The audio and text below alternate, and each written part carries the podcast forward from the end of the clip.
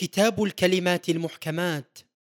تأليف آية الله الميرزا علي الحائر الإحقاقي استكمالا في شرح آية النور. التفسير الباطن.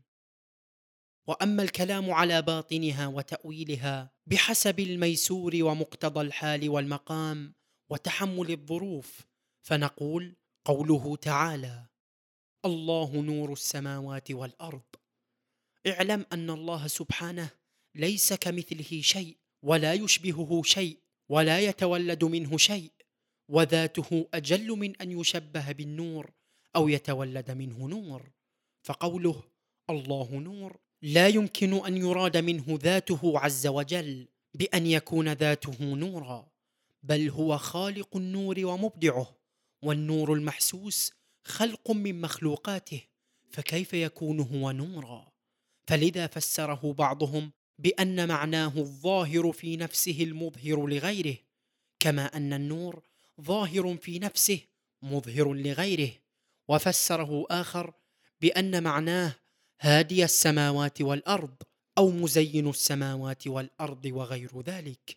فذاته تعالى أجل وأقدس من أن يطلق عليه نور وكذا صفاته الذاتية لا تطلق عليها نور لأن الصفات الذاتية عين الذات كما أن ذاته لا تدرك ولا توصف بالصفات الخلقية كذلك صفاته الذاتية لا تدرك ولا توصف بصفة خلقه بوجه. نعم صفاته الفعلية وظهوراته الحادثة وشؤونه جل وعلا توصف بالنور وغيره. ولا بد لنا لدفع الاشتباه ودفع سوء الفهم من تقديم مقدمة مختصرة نافعة وهي أن لله تبارك وتعالى صفات خاصة لنفسه قبل أن يخلق الأشياء والآن كما كان وهي صفاته الذاتية ككونه عليما سميعا بصيرا حيا قادرا وهي ثابتة له تعالى قبل الخلق بلا قبلية وبعد الخلق بلا بعدية. وهي عين ذاته لا فرق بينها وبين الذات. قل علم أو قل ذات قل سمع أو قل ذات وهكذا باقي صفاته. فهو يسمع بما يبصر به ويبصر بما يسمع به ويعلم بما يقدر ويقدر بما يعلم. لا أن في الذات علما وبصرا وقدرة ونحوها حتى تكون هناك أمور متعددة. أو ظرف ومظروف وحال ومحل ولا أنه شيء واحد ذو جهات جهة علم وجهة سمع وجهة بصر وغير ذلك فإن كل ذلك خلاف التوحيد ومن لوازم الحدوث بل الذات الأقدس أحد بسيط من جميع الجهات وفي عين بساطته كامل من جميع الجهات غير ناقص بوجه من الوجوه. وهي صفات قديمة كذاته. لا تدرك وليس كمثلها شيء ولا حظ لمخلوق قط في معرفة كنهها ودركها. الطريق مسدود والطلب مردود. وله تعالى صفات أخر فعليه يوصف بها لظهوره عز وجل بكل واحد منها. بعبارة أخرى له ظهورات حادثة وتجليات وشؤون. لكل واحد اسم يعبر به عنه وهذه الظهورات عناوين لمعرفته ولولا هذه الظهورات ما عرف سبحانه أبدا. مثلا لما أوجد الموجودات ظهر لنا بصفة الألوهية بإيجادها وإحداثها فدعي وسمي الله ولما أعطى كل ذي حق حقه وساق إلى كل مخلوق رزقه ظهر لنا بصفة الرحمانية فسمي بالرحمن وهي صفة العدل. ولما من على المؤمنين بالسعادة والإيمان والتوفيق وهي صفة الفعل سمي رحيما. ولما رزقهم وظهر بالرازقية سمي بالرزاق. ولما أحياهم سمي بالمحيي. ولما أماتهم سمي بالمميت. ولما هداهم قيل يا هادي. ولما سبب الأسباب قيل يا مسبب.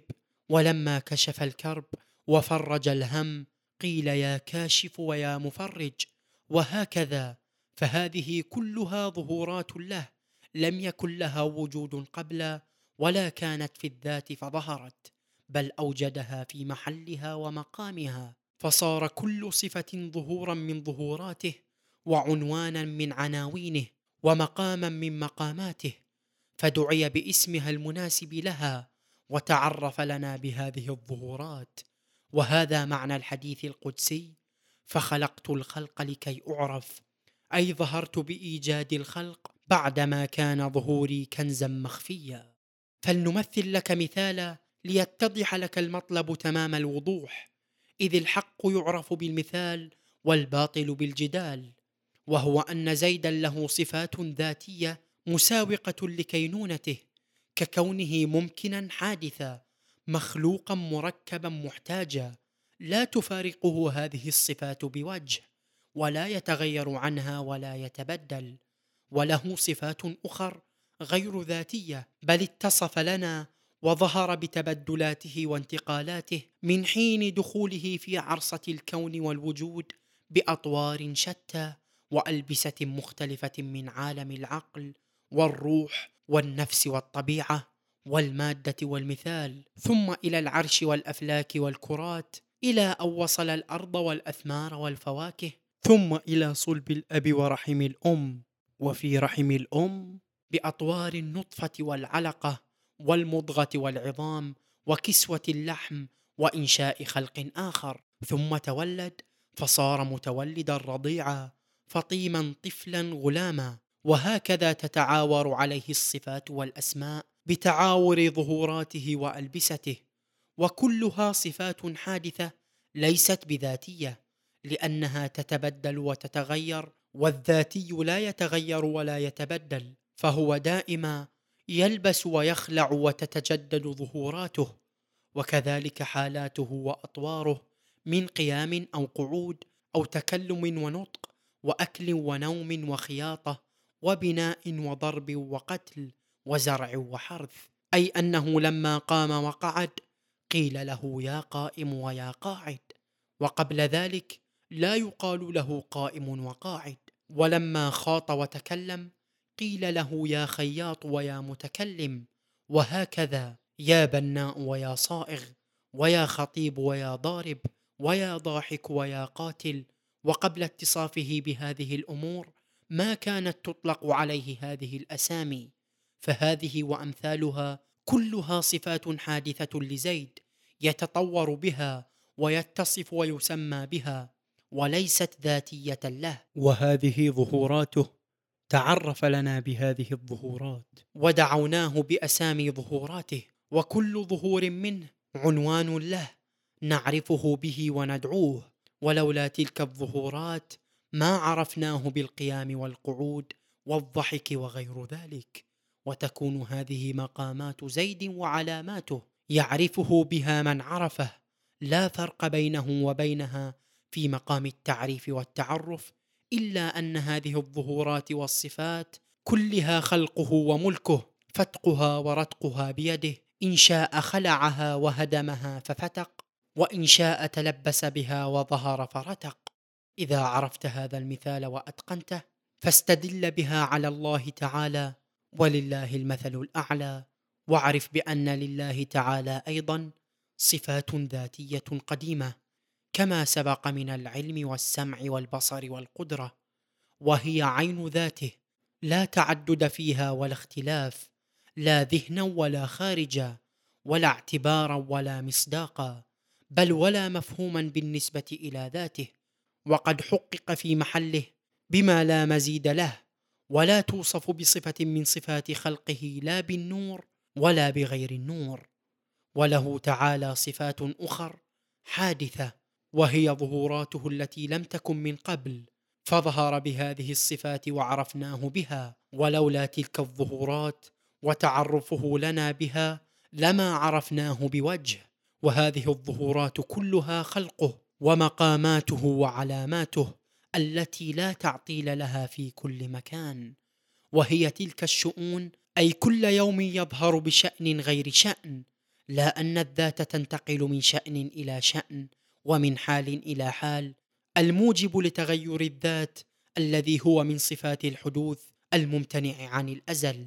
وهذه الشؤون والظهورات هي التي توصف بصفة النور لأنها هي الظاهرة بنفسها والمظهرة لغيرها وهي التي كانت كنزا مخفيا لا ذاته لأن الذات على ما هي عليه من خفائها كما كانت.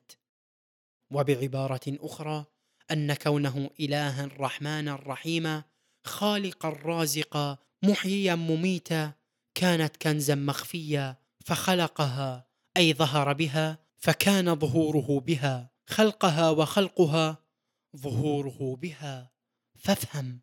فلما أحدث الأشياء أوجد الموجودات من الدرة إلى الذره أي من العقل إلى الثرى.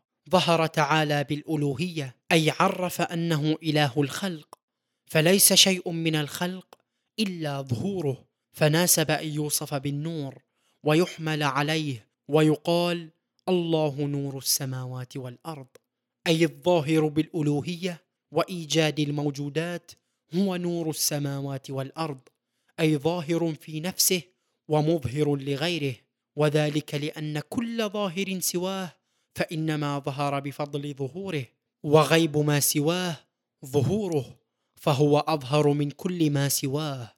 فلذا قال مولانا أمير المؤمنين عليه السلام ما رأيت شيئا إلا ورأيت الله قبله أو معه؟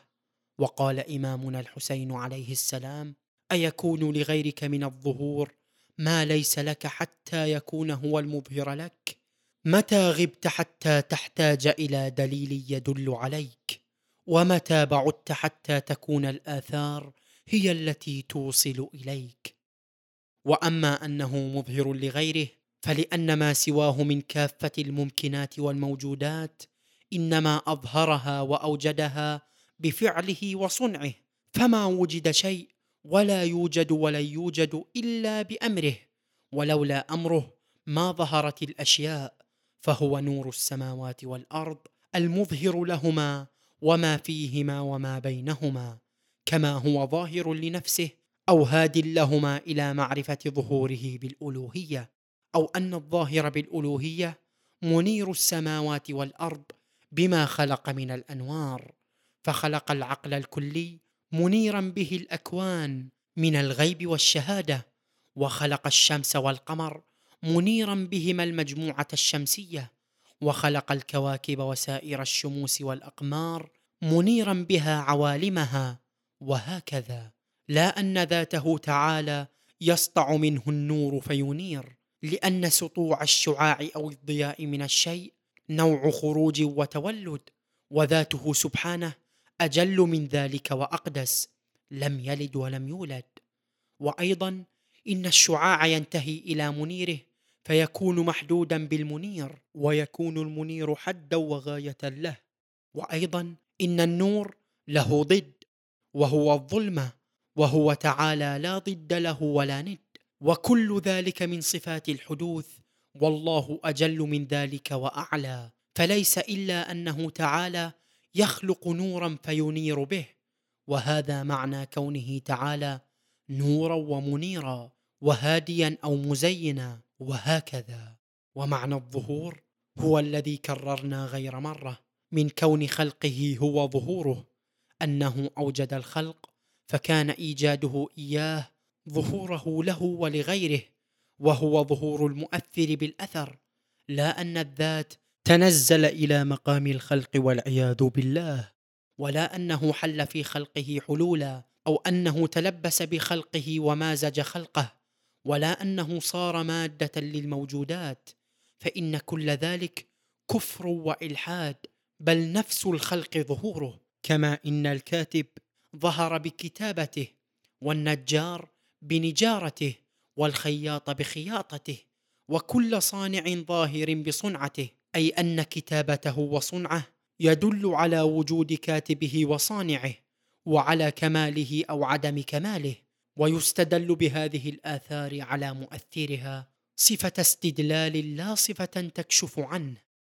ومهما أطلقنا لفظ الظهور واستعملناه في تصانيفنا ومذكراتنا فلا نعني منه إلا هذا الذي ذكرناه من الظهور الوصفي الأثري لا الظهور الذاتي. فافهم. وبالجملة معنى كونه نورا أي منيرا أو هاديا أو مزينا للسماوات والأرض أنه نور السماوات والأرض بفعله وخلقه وظهوره وهداهما بفعله وخلقه وزينهما كذلك أي بخلقه. أي بالكواكب وبالهادين من الأنبياء والأوصياء والعلماء والمؤمنين لا بذاته فإن الذات أجل وأقدس من ذلك بل هو موجد كل منير وكل هاد وكل مزين ومبدعها وخالقها وصانعها لا من شيء وإنما خص السماوات والأرض بالذكر مع دخول فلك العرش والكرسي وسائر الأفلاك العظام والصغار في الإرادة لكونهما هما المعروفان عند عامة الناس. وأيضا إن كونه تعالى نورا بالمعاني التي ذكرت عام لجميع المخلوقات من الملائكة والإنس والجن حتى الشياطين والحيوانات. فهو نور العالمين لأنه رب العالمين وليس مختصا للسماوات والأرض فقط.